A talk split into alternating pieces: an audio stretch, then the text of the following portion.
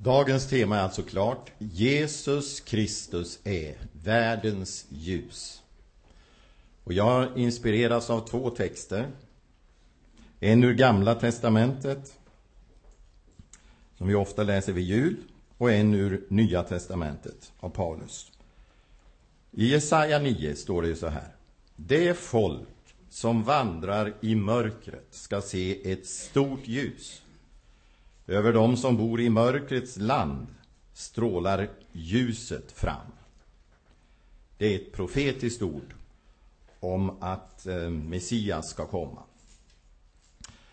Och sen skriver Paulus till Efesierna så här.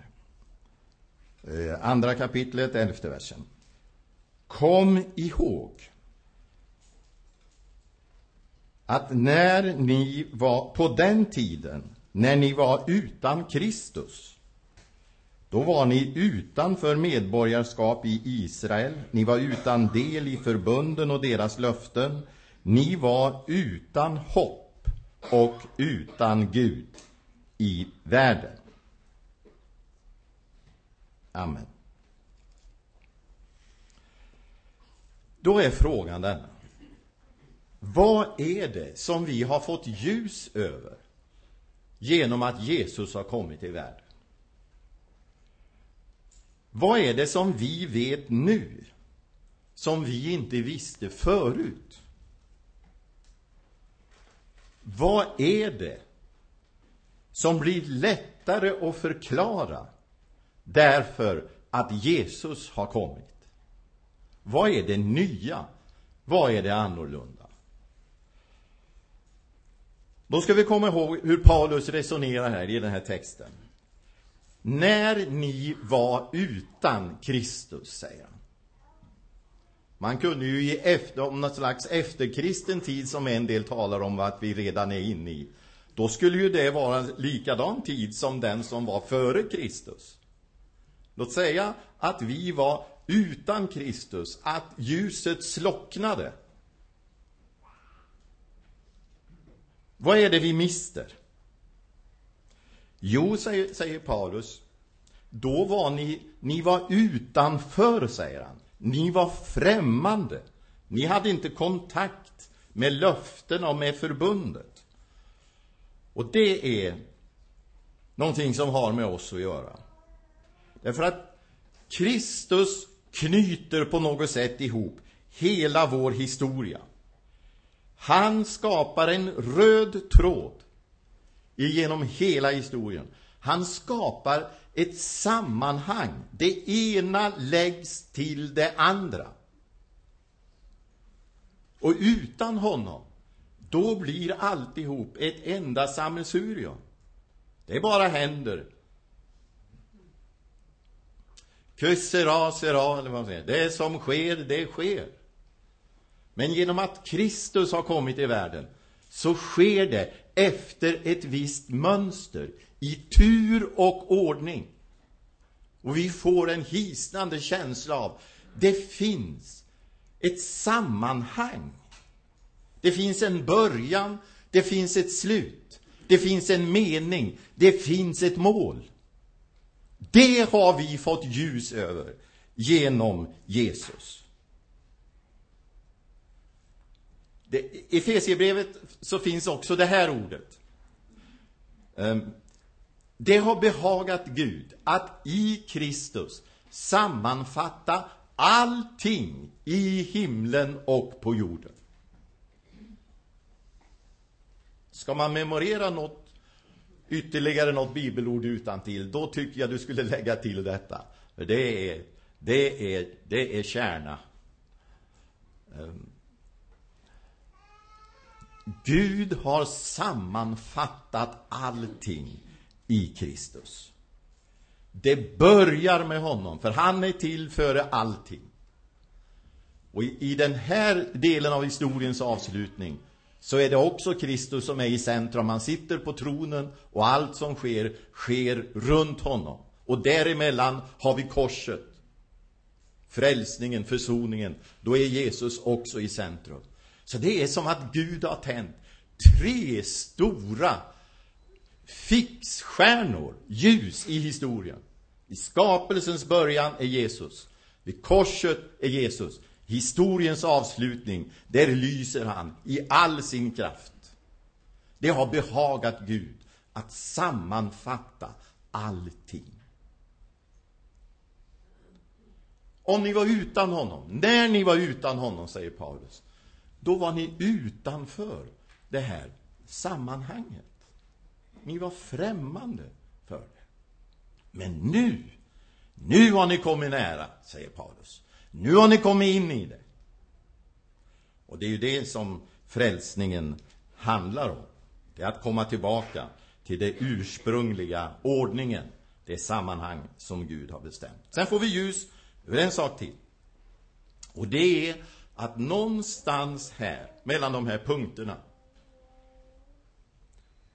mellan, mellan skapelsen, tidens början och Golgata, har vi fått ett problem. Vi får klart för oss att det har hänt någonting tragiskt i historien. Att vi bröt ett förbund med Gud. Vi höll inte vår del av förbundet. Vi gick vilse, var och en ville vandra sin egen väg. Det får vi klart för oss när Jesus kommer med sitt ljus och sin undervisning. Så allt ljus omkring Jesus är ju inte ett behagligt sken. Det är ju inte bara ett romantiskt skimmer som finns omkring detta gossebarn som föds i Betlehem. Utan det kan vara ett obehagligt ljus att hamna i. För vi förstår, vi har ett problem. Vi har gjort ett fel. Vi har brutit en ordning. Det kallas för synd. Och det talar Jesus om. Han pekar på det och säger, här har ni ett problem. Ni har vänt Gud ryggen. Och det här finns citerat väldigt koncentrerat i en av de gamla sångerna. Från frälsaren på korsets stam, ljus faller på min dräkt. Då träder syndens fläckar fram. Jag blir med rövaren släkt. Ljus faller på min dräkt. Och det är inte alltid så behagligt. Det har vi fått ljus över. Men, nu kommer den tredje punkten. Vi har också fått ljus över att det finns en lösning på problemet. Vi är ju mästare på att bara, bara fixera oss vid själva problemet och vi har, vi har svårt att, att komma vidare. Men här finns en väg vidare.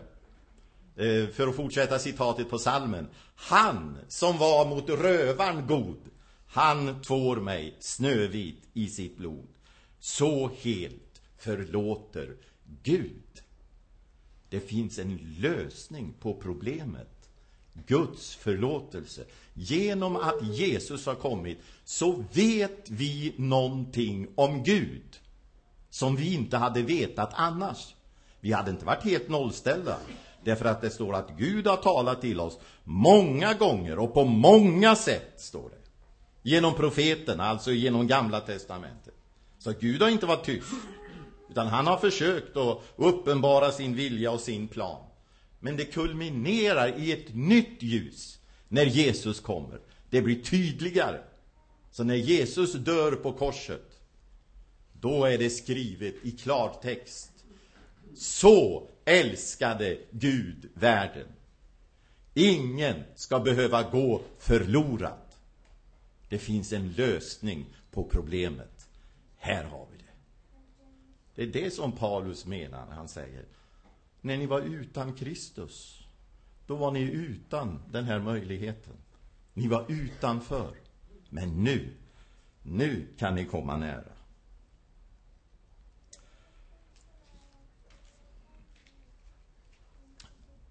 En sak till. Vi har fått ett hopp. Han skrev ju det, Paulus, i Efesierbrevet. Att innan, då var ni utan Gud och utan hopp i världen.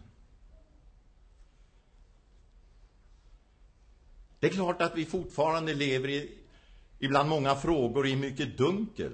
Dels om vårt förflutna, som jag talade om. Hur började det? Men vi har ändå fått en del ljus över det. Och det är likadant med frågorna om framtiden. Det är klart det är mycket skuggor. Frågor. Men vi vet ändå någonting. Mörkret skulle vara ännu tätare om Kristus inte hade kommit. Vart skulle vi då gå med våra frågor om framtiden? Som Petrus säger till Jesus en gång. Vart skulle vi gå? Du har ju det eviga livets ord.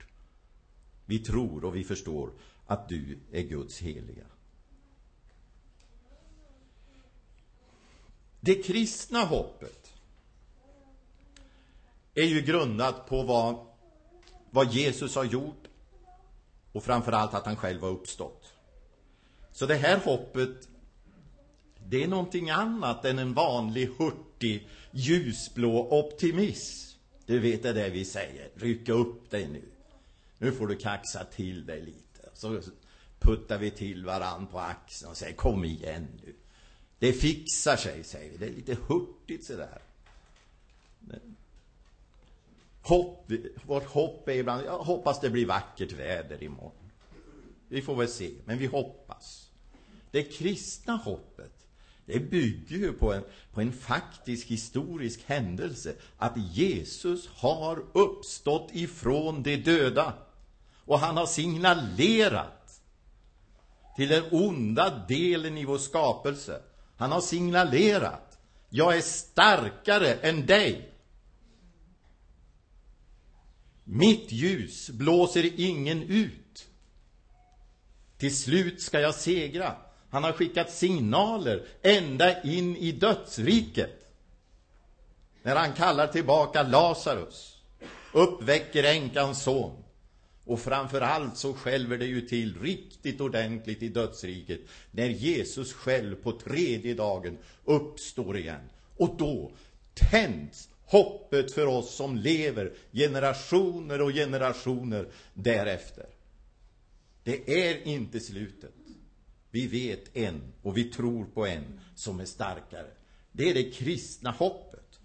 Och när vi följer liksom den här linjen som jag sa, den här röda tråden igenom hela historien som den berättas här. Då, då blir vi så övertygade när vi prickar av vad Gud har gjort med sin plan. Hur långt vi har kommit på den här linjen. Då blir man mer och mer övertygad om han kommer att göra de sista punkterna också på programmet.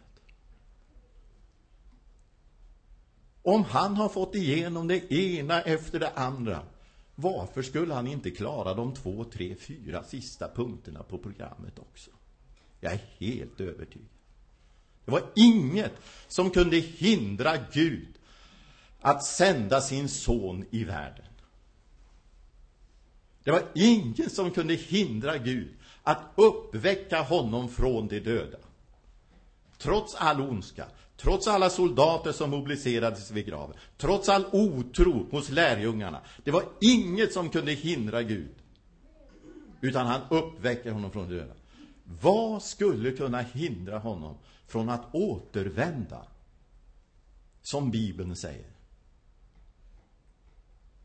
Allt talar för att Gud ska göra färdigt ända till slutet. Det är vårt hopp. Det är ett ljus. Tänk om det ljuset slocknade. Framtidens mörker. Kom ihåg, vi hade vi inte den här, då skulle vi vara utan mycket kunskap. Det är bra att veta någonting också om framtiden.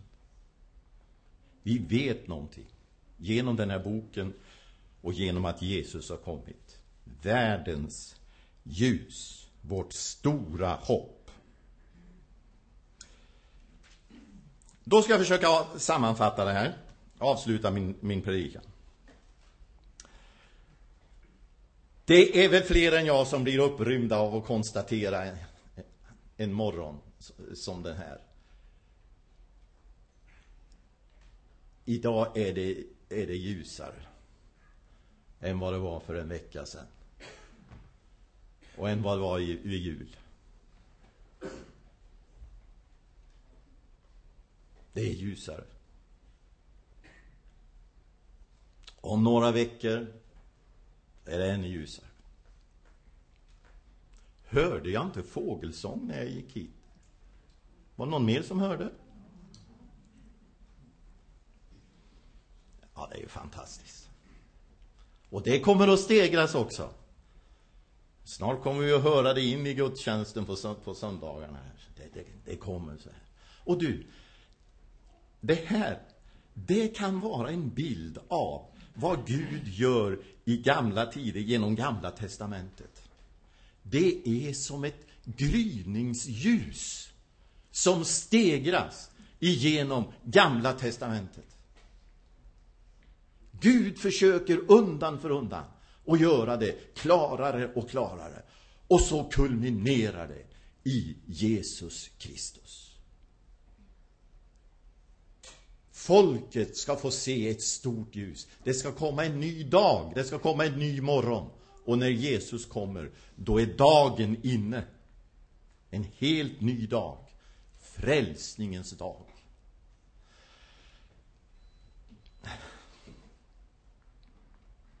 Jag undrar när, när den där morgon kommer, den där riktigt, den där det, det man känner på sig innan man riktigt har vaknat, att nu, nu, nu är vi där. Nu spelar fåglarna ut i träden. Nu, nu är det vår i luften. Oh, nu händer det någonting på sydsidan i våra eh, trädgårdar här. Nu. Va, vad gör vi en sån morgon? Vi som har kurat på morgnarna. Vi, vi som ovilligt har rört persiennerna. Och vill vara kvar. Vad gör man den där morgon? Ja, det är ju så till och med jag sprätter till. Och tänker, nu. Och persiennerna åker upp tidigare än vanligt. Till och med att fönsterhakarna lossnar. Va? Upp med fönstret. Det är som att jag vill ha in hela härligheten. Det är så som jag önskar att jag hade ett fönster, en dörr här någonstans och, och öppna för det. Det är väl inte konstigt att det hände? Och då kan man ju filosofera och fråga vad, vad, vad var det som gjorde att fönstret kom upp den där morgonen? Ja, säger någon. Känner jag dig rätt? Och vad, det var ju tack vare att det var sån vår utanför. Det var ju det som gjorde det. Och någon annan lite mer snutförnuftig säger ja, det var ju du som lyfte på fönsterhakarna. Det var inte så svårt. Och någon tredje lite mer filosofisk säger ja, lite, lite sådär diplomatiskt, politiskt. Um, det var nog både och. Det var nog både och. Våren gjorde väl sitt där ute och du gjorde ditt och så, så hände det att fönstret kom upp med fart. Ja. Precis så är det med tron. Som vi funderar över. Vem är det som gör det? Vem är det som tar i? Ja, det är Gud, säger någon. Det hänger på Gud alltihop. Och det är en Guds gåva. Och någon annan säger, Ja, det är en del som är duktiga. Det är en del som, som tar i. Och sanningen är den, det är både och. Gud gör sitt och du gör ditt. Och fönstret kommer upp och ljuset kommer in och livet börjar. Men kom ihåg, solen var uppe först. Sen kom jag upp. Det är alltid så. Gud är först. Och sen, i bästa fall, kommer vi. Nu har Gud gjort sitt. Han har låtit ljuset gå upp i tillvaron. Och nu ska vi göra vårt. Nu ska vi inte leva bakom neddragna mörka gardiner, utan nu ska vi ge vår respons på det som Gud har gjort.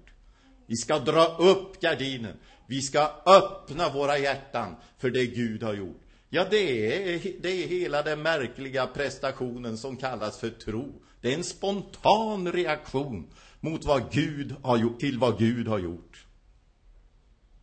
Folket ska se ett stort ljus. Gud, detta vill jag öppna för. Det ljuset vill jag ha in i mitt liv.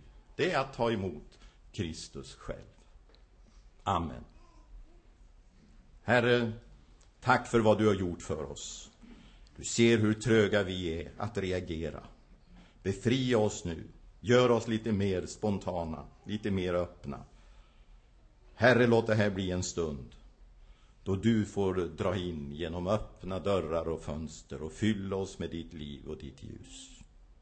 Signa våra slutminuter av gudstjänsten i Jesu namn. Amen.